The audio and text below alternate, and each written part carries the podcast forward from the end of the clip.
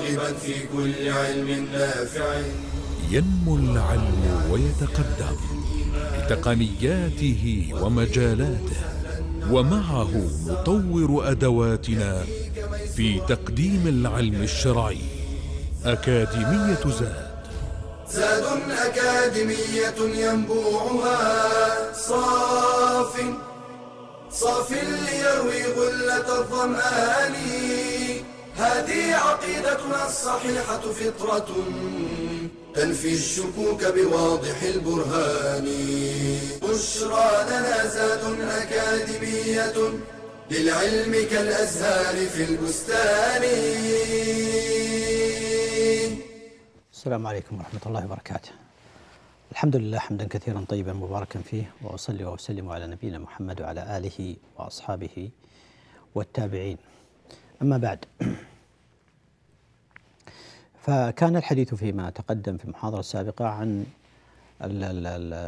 حقوق الصحابة وآل بيت النبي صلى الله عليه وسلم وعن الضوابط الشرعية الواجب التزامها آه، تجاه ما حصل بين الصحابة رضوان الله تعالى عليهم من اختلاف وما شجر بينهم وأقوال أهل السنة في هذه القضية وأن من أبرز حقوقهم والواجب علينا تجاههم هو الذب عنهم والدفاع عنهم والذب عن أعراضهم وعدم قبول أي آه، قول ينال مكانة الصحابة ومنزلة الصحابة رضوان الله تعالى عليهم وأرضاهم. ولا شك أن هذا من الأمور التي هي من سمات أهل الأهواء ومن آه، يعني علاماتهم الظاهرة وهو النيل من صحابة رسول الله صلى الله عليه وسلم. هذا يجرنا إلى الحديث عن آه، حكم سب الصحابة رضي الله تعالى عليهم ما داموا أنهم بهذه المكانة وبهذه المنزلة من الدين وبهذا الفضل وبهذه التزكية من الله عز وجل والعدالة وعدالة جميعهم فما حكم تناول أحد من الصحابة رضي الله تعالى عليهم أو الوقوع في شيء من الكلام في عرضه أو سبه. لا شك أنه قد اتفق العلماء قاطبة على حرمة سب الصحابة رضي الله تعالى عليهم أو الطعن فيهم ومرد ذلك كما قلنا هو للنصوص الواردة والمتضافرة من الكتاب والسنة الناطقة بتزكيتهم ومدحهم والثناء عليهم فالنيل بخلاف القول بخلاف ذلك والنيل من بعضهم هذا تكذيب ومخالفة لهذه النصوص التي دلت على الثناء عليهم وتزكيتهم وعدالتهم. لذلك كما قال الله سبحانه وتعالى في هذا المعنى والسابقون الأولون من المهاجرين والأنصار والذين اتبعوهم بإحسان رضي الله عنهم ورضوا عنه. والذين اتبعوهم بإحسان رضي الله عنهم ورضوا عنه. يقول الحافظ بن كثير رحمه الله تعالى في تعليقه على هذه الآية وتفسيره لهذه الآية قد أخبر الله العظيم أنه قد رضي عن السابقين الأولين من المهاجرين والأنصار والذين اتبعوهم بإحسان. قال فيا ويل من أبغضهم أو سبهم أو أبغض أو سب بعضهم. فهو متوعد نسأل الله العافية والسلامة. وكذلك في الآية الأخرى التي مر مرت الإشارة إليها وذكرناها في قول الله عز وجل محمد رسول الله والذين معه أشداء على الكفار رحماء بينهم تراهم ركعا سجدا يبتغون فضلا من الله ورضوانا سيماهم في وجوههم من أثر السجود يعني ثناء على عبادتهم ومكانتهم. وذكر الله عز وجل وصفهم في التوراة وفي الإنجيل في قال في تعالى ذلك مثل في التوراة ومثل في الإنجيل كزرع أخرج شطأه فآزره فاستغلظ فاستوى على سوقه. يعجب الزراع ليغيظ بهم الكفار. وعد الله الذين آمنوا وعملوا الصالحات منهم مغفرة وأجرا عظيما. يقول ال ال ال ال ال ال الإمام مالك رحمه الله تعالى يقول من أصبح من الناس في قلبه غيظ على أحد من أصحاب رسول الله صلى الله عليه وسلم فقد أصابته هذه الآية التي نتحدث عنها. فقد أصابته هذه الآية التي نتحدث عنها ونتكلم عنها. ولذلك قال قال الإمام مالك الذي يشتم أصحاب رسول الله صلى الله عليه وسلم ليس له سهم أو قال نصيب في الإسلام. ليس له نصيب في الإسلام. وهذا ما قاله الإمام أحمد رحمه الله تعالى أيضا قال إذا رأيت الرجل يذكر أحدا من أصحاب رسول الله صلى الله عليه وسلم بسوء فاتهمه على الإسلام فاتهمه على الإسلام. ولذلك قلت إن من سمات وعلامات أهل الأهواء والبدع والضلال والزندقة هو النيل والطعن في أحد من صحابة رسول الله صلى الله عليه وسلم. ولذا وذلك لأن لأن الصحابة رضوان الله تعالى عليهم هم معيار فهم الإسلام. من نقل لنا الدين؟ من نقل لنا حقيقة القرآن بمعانيه وألفاظه؟ من نقل لنا ما سنة رسول الله صلى الله عليه وسلم بمعانيها وبألفاظها وبتطبيقاتها. من نقل لنا هذا الدين إلا الصحابة رضي الله تعالى عليهم فالسب لهم والطعن فيهم هو طعن في الدين.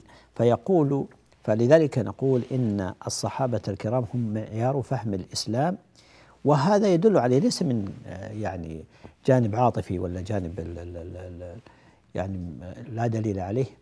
يقول الله سبحانه وتعالى فإن آمنوا بمثل ما آمنتم به فقد اهتدوا. فدل على أن المعيار في فهم الدين وحقيقة الدين وتطبيق الدين هو فهم الصحابة وتطبيقهم وعملهم بهذا الدين. رضوان الله تعالى عليهم وأرضاهم. وجاءت النصوص أيضا من النبي صلى الله عليه وسلم في التحذير والنهي عن سبهم والنيل منهم. فلذلك يقول صلى الله عليه وسلم لا تسبوا لا تسبوا أصحابي فلو أن أحدكم أنفق مثل أحد ذهبا ما بلغ مد أحدكم ولا نصيفه ولا نصيفه. والحديث متفق عليه. وفي الحديث الآخر الحديث البراء قال سمعته رسول الله صلى الله عليه وسلم آه، يقول الأنصار لا يحبهم إلا مؤمن ولا يبغضهم إلا منافق.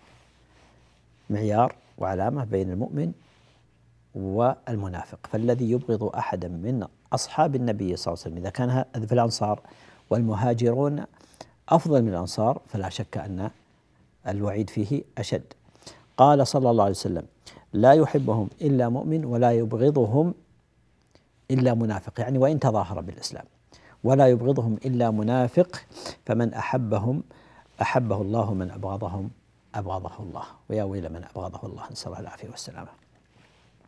ولا شك أن سبهم وانتقاصهم والتطاول عليهم هذا مناف لما أمر به النبي صلى الله عليه وسلم من إحسان الظن بهم وحملهم على أحسن المحامل. ولا شك ان ان النبي صلى الله عليه وسلم لما حذر من سبهم والنيل منهم فقد علم عليه الصلاة والسلام أنه سيأتي من ينال من الصحابة رضي الله تعالى عليهم وسيطعن فيهم. فلذلك قطع النبي صلى الله عليه وسلم الخط على أحد أن ينال من أصحاب النبي صلى الله عليه وسلم وحذر من ذلك ومنع منهم. ولكن قدر الله عز وجل ماض كما أراد الله عز وجل لحكمة يعلمها سبحانه وتعالى. ومن قدر الله عز وجل أنه كما قالت عائشة رضي الله تعالى عنها وهي ممن نيل من عرضها ويعني آه، حصل لها قديما وحديثا ما حصل رضوان الله تعالى عليها وأرضاها مع نزول البراءة لها من من الله عز وجل. وأصبحت براءتها قرانا يتلى إلى قيام الساعة. فماذا تقول؟ رضي الله تعالى عنها. تقول عن قوم يسبون الصحابة عموما. قالت لما سئلت عن قوم يسبون الصحابة قالت لا تعجبون لا تعجبون. لماذا؟ قالت هؤلاء قوم انقطعت أعمالهم بموتهم فأحب الله ألا تنقطع أجورهم يعني بنيل الناس منهم الله أكبر. في رواية انقطع عنهم العمل فأحب الله ألا ينقطع عنهم الأجر. فما ينال منهم فإنهم يؤجرون على ما يعني ما يقع في من في أعراضهم من هؤلاء الخلوف. فاصل ثم نعود لاستكمال الحديث إن شاء الله فإلى ذلك الحين أستودعكم الله. السلام عليكم ورحمة الله وبركاته. بشرى لنا زاد أكاديمية للعلم كالأزهار في البستان.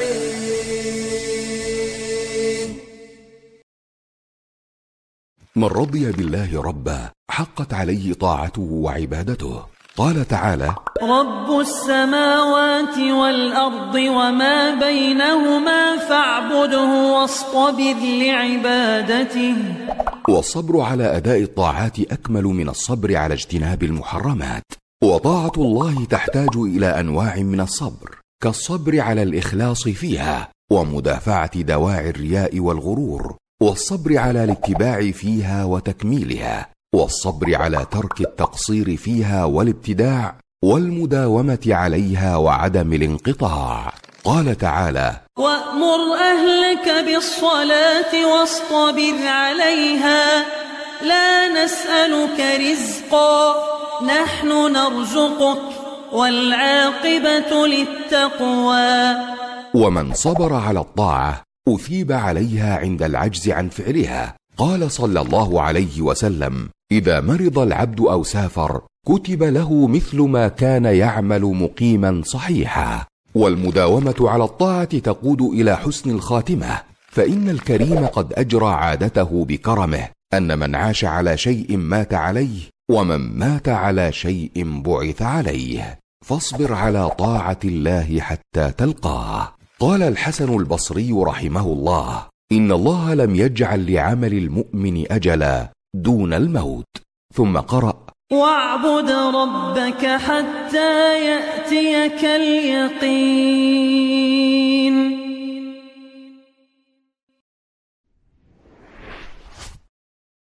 بشرى لنا زاد أكاديمية للعلم كالأزهار في البستان. السلام عليكم ورحمة الله وبركاته. آه، كان الحديث قبل الفاصل عن حرمة سب صحابة رسول الله صلى الله عليه وسلم وآل بيته رضوان الله تعالى عليهم أجمعين. وذكرنا الأدلة وبعض أقوال أهل العلم في عظم هذه الجريمة والجناية في آه، سب أصحاب النبي صلى الله عليه وسلم. لكن لعلنا أن نشير إلى شيء من التفصيل في حكم سب الصحابة رضي الله تعالى عنهم. هذه الجريمة ما حكمها؟ سب الصحابة رضي الله تعالى عليهم. سب الصحابة رضوان الله تعالى عليهم. إن كان بجملتهم فهذا كفر بإجماع. سب جميع الصحابة فهذا كفر بإجماع. وإن كان سب أشخاص منهم ففيه تفصيل. ففيه تفصيل. إن كان السب لدينهم فهذا كفر. يسب أفراد منهم لدينهم فهذا كفر. وأما إن كان لعيب خلقي أو خلقي فهذا دون الكفر لا يصل إلى درجة آه، الكفر. آه، أو بتفصيل آخر نقول إن حكم سب الصحابة إن سب جميع الصحابة بلا استثناء فهذا كفر بإجماع. من سب أكثر الصحابة تغيظا وطعنا في دينهم وأمانتهم فهؤلاء أكثر السلف على تكفيرهم ومنهم الرافضة. طعنوا في أكثر الصحابة تغيظا حتى قالوا أنه لم يبقى على الإيمان من الصحابة إلا بضعة عشر كما تقول الرافضة عليهم من الله ما يستحقون. فهذا أكثر السلف على تكفيرهم وعلى كفرهم.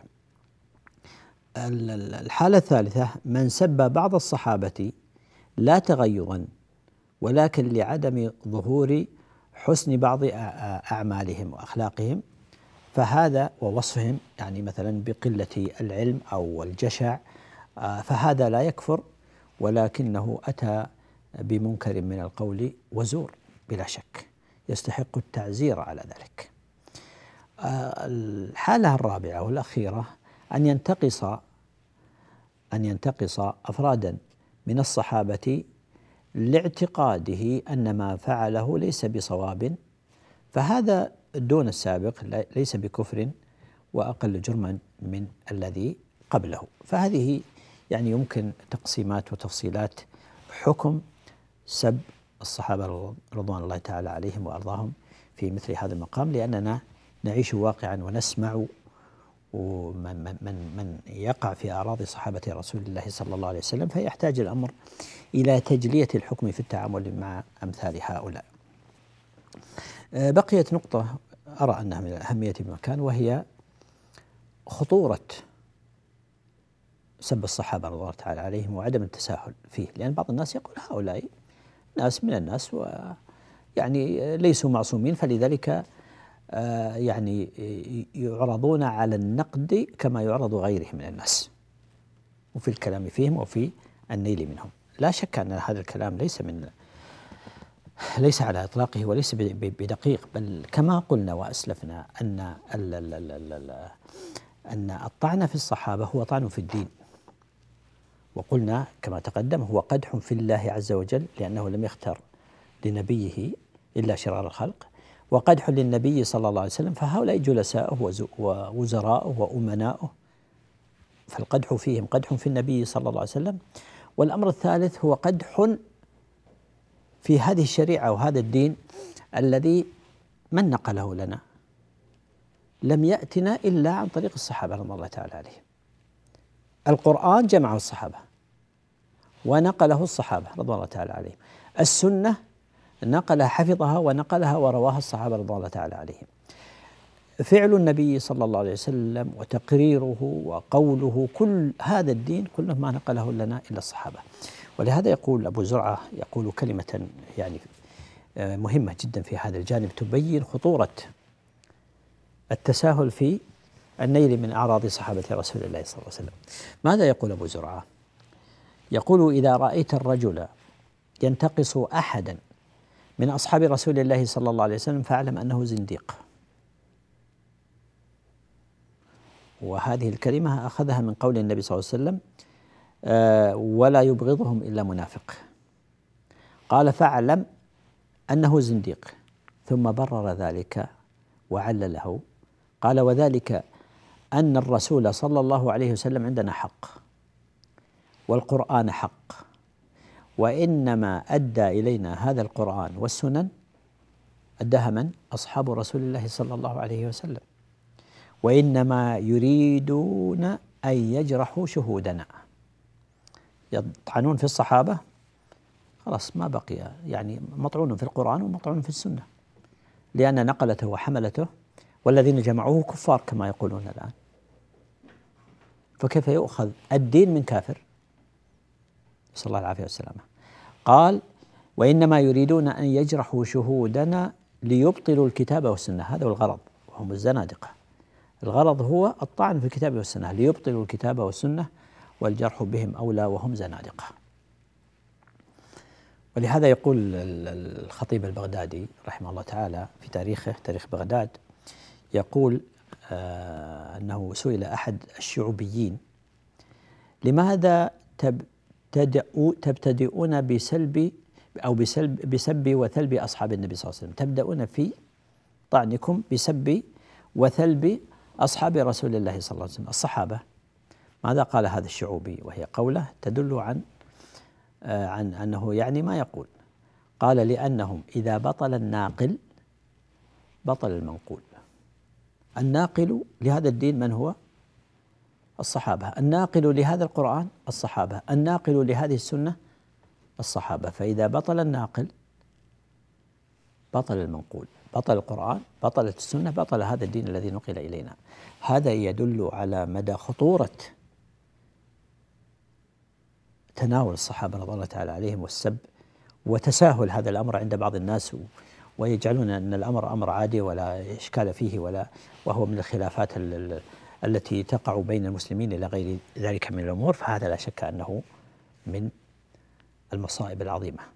وهؤلاء السابة يتدرجون في السب إلى أن يصلوا إلى مبتغاهم عليه من الله ما يستحقون. وأبرز من يحمل لواء السب للصحابة رضي الله تعالى عليهم الرافضة وبعض الآن العلمانيين والحداثيين والتنويريين وغيرهم الذين يتساهلون في سب صحابة رسول الله صلى الله عليه وسلم. لكن الرافضة والسابة عموما يبدأون في دعوتهم وفي سبهم أولا الرافضة على سبيل المثال والخصوص يبدأون بإظهار محبتهم وموالاتهم لآل بيت النبي صلى الله عليه وسلم. وآل بيت النبي صلى الله عليه وسلم لهم حقهم ولهم محبتهم وموالاتهم فلهم علينا حق زائد على حق الصحابة رضي الله تعالى عليهم. لا يجادل في ذلك أحد ولا يزايد علينا في ذلك أحد. ونحن نحفظ وصية نبينا صلى الله عليه وسلم في آل بيته صلى الله عليه وسلم كما آه، أمرنا النبي صلى الله عليه وسلم. فلهم علينا حق المحبة لقرابته من النبي صلى الله عليه وسلم زيادة على محبتهم المحبة الإيمانية ومحبة الصحبة. فلهم ثلاث محاب. محبة الإيمان الذي يشترك فيها المؤمنون جميعا ومحبة الصحبة الذين يشاركون الصحابة فيها ومحبة القرابة زيادة على ذلك.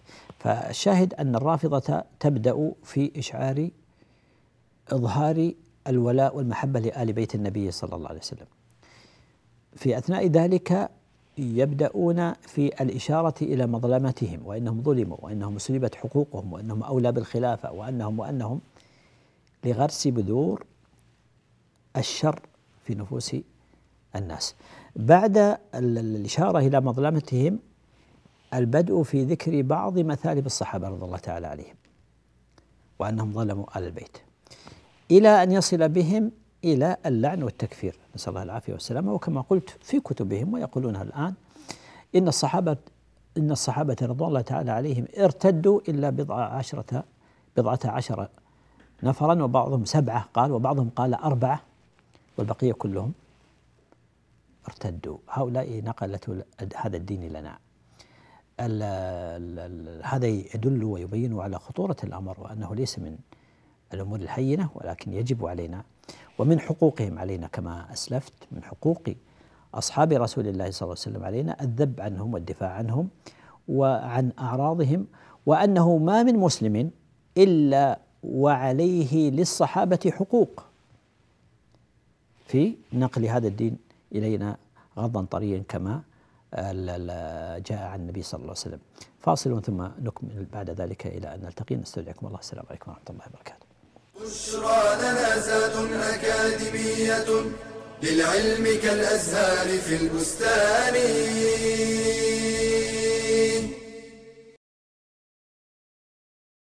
المطر الغزير هو الذي تبتل به الثياب ويحمل الناس على تغطية الرأس ويسبب وحلا وطينا وزلقة. ولا حرج في الجمع بالمسجد بين المغرب والعشاء أو بين الظهر والعصر. بسبب الأمطار الشديدة أو الأوحال والسيول الجارية في الطرقات ولو توقف المطر. لما في ذلك من المشقة والحرج.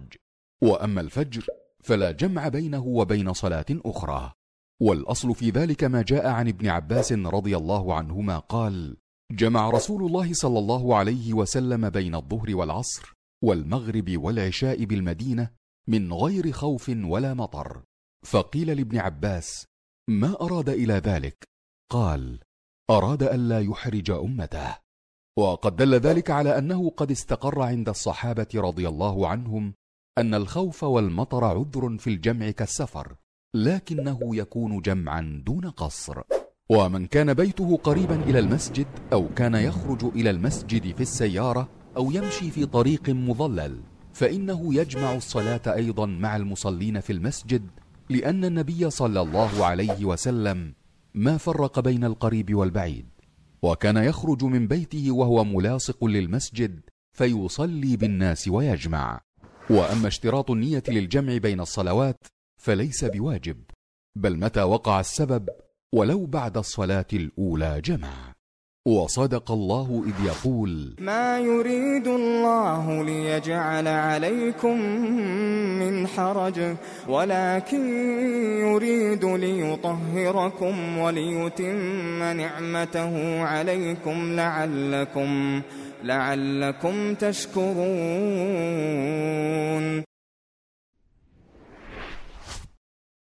بشرى لنا زاد أكاديمية.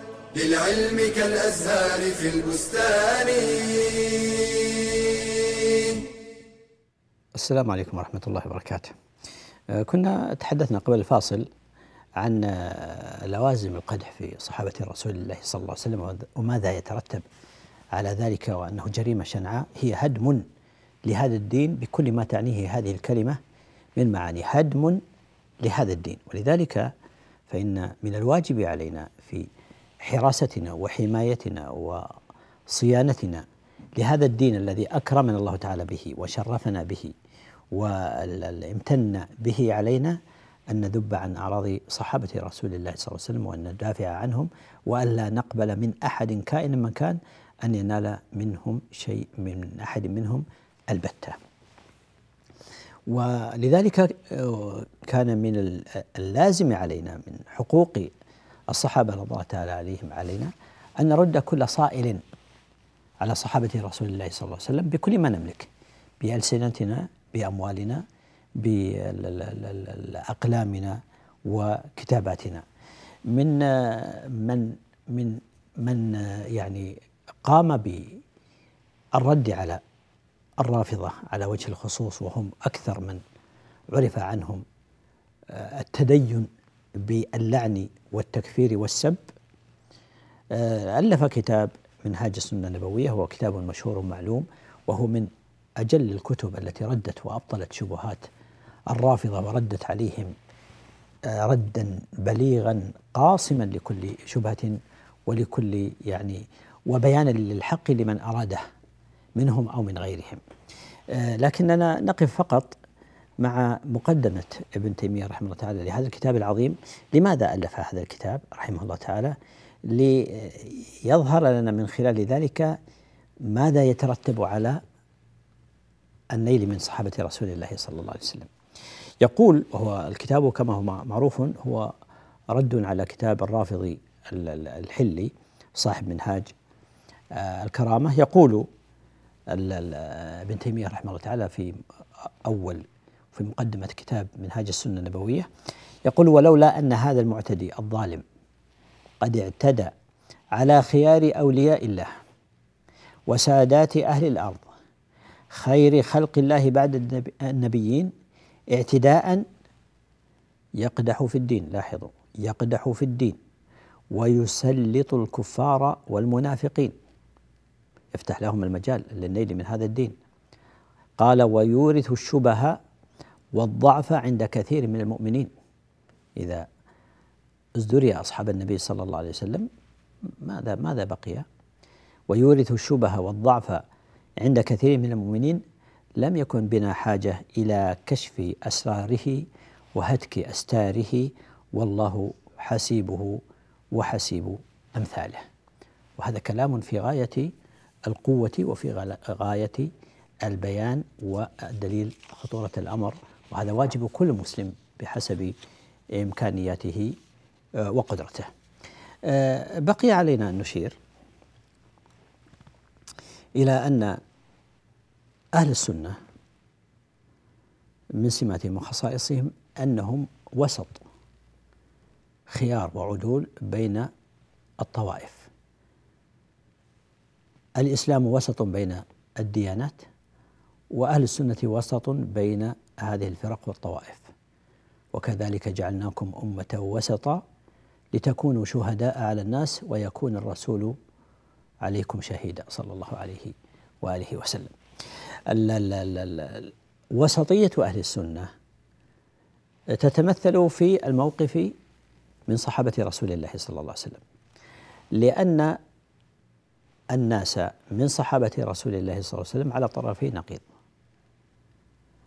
فعلى سبيل المثال الخوارج خرجوا على جماعة المسلمين وكفروا عليا رضي الله تعالى عنه وكفروا من معه من الصحابة الحكمين وغيرهم فكفروهم واستحلوا دماءهم وأموالهم. ففي مقابل هذا الظلم والطغيان والبغي من هؤلاء الخوارج ظهرت الرافضة. فادعوا لعلي رضي الله تعالى عنه وأرضاه وادعوا لآل بيت النبي صلى الله عليه وسلم ما لا يليق إلا بالله عز وجل ولا يليق إلا بالنبي صلى الله عليه وسلم. بعضه بالنبي وبعضه لا يليق إلا بالله عز وجل. فادعوا فيهم العصمة وادعوا فيهم علم الغيب وادعوا فيهم أنهم يتصرفون في الكون كيف يشاءوا وادعوا إلى غير ذلك من الأمور. فكان أهل السنة بين الطرفين.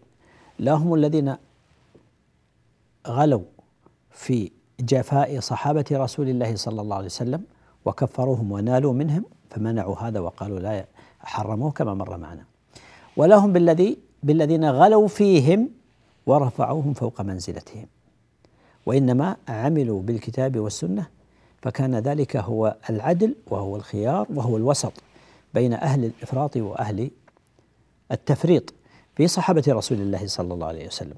فهم بين غال وجاف بين غال في صحابة النبي صلى الله عليه وسلم وبين جاف لهم رضوان الله تعالى عليهم. وهذا فضل الله يؤتيه من يشاء والله ذو الفضل العظيم. وهذه من سمات وخصائص أهل السنة وهو تمثل الوسطية حقيقة في كل آه، معتقداتهم ودينهم. ولعلنا نلخص شيئا مما سبق من الكلام فيما يتعلق بأصحاب النبي صلى الله عليه وسلم فنقول ما هو الواجب علينا تجاه أصحاب النبي صلى الله عليه وسلم وآله رضوان الله تعالى على الجميع. أولا هو الاعتقاد أنهم خير البشرية بعد النبي صلى الله عليه وسلم. هذا دين ندين الله سبحانه وتعالى به. والأمر الثاني هو اعتقاد وجوب محبتهم محبة الصحابة جميعا ومحبة آل بيت النبي صلى الله عليه وسلم زيادة على ذلك لقرابتهم من النبي صلى الله عليه وسلم ولوصية النبي صلى الله عليه وسلم به. الأمر الثالث الإقرار بكل ما ثبت من فضائلهم رضوان الله تعالى عليهم جميعا. والأمر الرابع الاعتقاد بأنهم غير معصومين ليس هناك معصوم إلا النبي صلى الله عليه وسلم. لا أهل البيت ولا غيرهم. لا أبو بكر ولا عمر ولا عثمان رضوان الله تعالى عليهم ولا علي رضوان الله تعالى عليهم ولا غيرهم من الصحابة. فليس هناك أحد معصوم إلا النبي صلى الله عليه وآله وسلم والأنبياء قبله. هذا يقتضي أنه مع اعتقادنا بعدم عصمتهم فهذا يقتضي أنه قد يكون لهم بعض الأمور الاجتهادية فالواجب علينا أن نسكت عما شجر بينهم وهذه عقيدة ودين ندين الله سبحانه وتعالى به أن نسكت عما شجر بينهم. كما قال عمر بن عبد العزيز كما قال الله عز وجل تلك أمة قد خلت لها ما كسبت ولكم ما كسبتم ولا تسألون عما كانوا يعملون. فكذلك ما بالنسبة لصحابة للصحابة رضوان الله تعالى عليهم كما يقول عمر بن عبد العزيز تلك دماء طهر الله منها يدي فلما لا أطهر منها لساني. فهذا واجب علينا اعتقاده فيما شجر بين الصحابة رضوان الله تعالى عليهم. كذلك مما يجب علينا تجاه أصحاب النبي صلى الله عليه وسلم بأنهم بأنهم كلهم على خير وفضل وأنهم يتفاضلون في الفضل والرتبة فليسوا سواء هم على تفاوت ودرجات منهم كما قال الله عز وجل لا يستوي منكم من أنفق من قبل الفتح وقاتل أولئك أعظم درجة من الذين أنفقوا من بعد. وقاتلوا. لكن مع هذا التفاوت قال وكلا وعد الله الحسنى فكلهم موعودون بالجنة. ومنهم المبشرون الذين بشرهم النبي صلى الله عليه وسلم فكانوا يمشون على الأرض وهم يعلمون بأنهم من أهل الجنة فهنيئا لهم رضوان الله تعالى عليهم وأرضاهم. وحشرنا في زمرتهم بمحبتنا لهم رضوان الله تعالى عليهم وأرضاهم. الأمر الآخر مما يجب أنه يجب علينا التوسط في شأن الصحابة. فلا نجفو أحدا منهم ولا نغلو في أحد منهم وإما نحب الجميع ونترضى عن الجميع ونؤمن بتفاوتهم في الفضل والمنزلة والقربة بما دلت عليه النصوص لا بأهوائنا وآرائنا واختراعاتنا. وهذا هو الذي ندين الله سبحانه وتعالى به وهذا هو الذي دلت عليه النصوص ولعلنا في هذا قد أجملنا شيئا من ما يتعلق بأصحاب النبي صلى الله عليه وسلم وآل بيته وحقوقهم علينا. نسأل الله أن يعيننا على أداء ما يجب علينا تجاههم لأنه ما من مسلم إلا وفي عنقه منة لأولئك الذين نقلوا لنا هذا الدين رضوان الله تعالى عليهم وأرضاهم. نسأل الله أن يعيننا على أنفسنا وأن يرضى عن صحابة رسول الله صلى الله عليه وسلم وآل بيته وأن يحشرنا في زمرتهم. إنه ولي ذلك والقادر عليه. والله أعلم. وصلى الله وسلم وبارك على نبينا محمد وعلى آله وصحبه أجمعين. إلى أن نلتقي نستودعكم الله الذي لا تضيع ودائعه. سبحانك اللهم وبحمدك. أشهد أن لا إله إلا أنت. أستغفرك وأتوب إليك. والسلام عليكم ورحمة الله وبركاته. يا راغبا في كل علم نافع. ينمو العلم ويتقدم بتقنياته ومجالاته ومعه نطور أدواتنا في تقديم العلم الشرعي. أكاديمية زاد. زاد أكاديمية ينبوعها. صاف صاف ليروي غلة الظمآن. هذه عقيدتنا الصحيحة فطرة تنفي الشكوك بواضح البرهان. بشرى لنا زاد أكاديمية للعلم كالأزهار في البستان.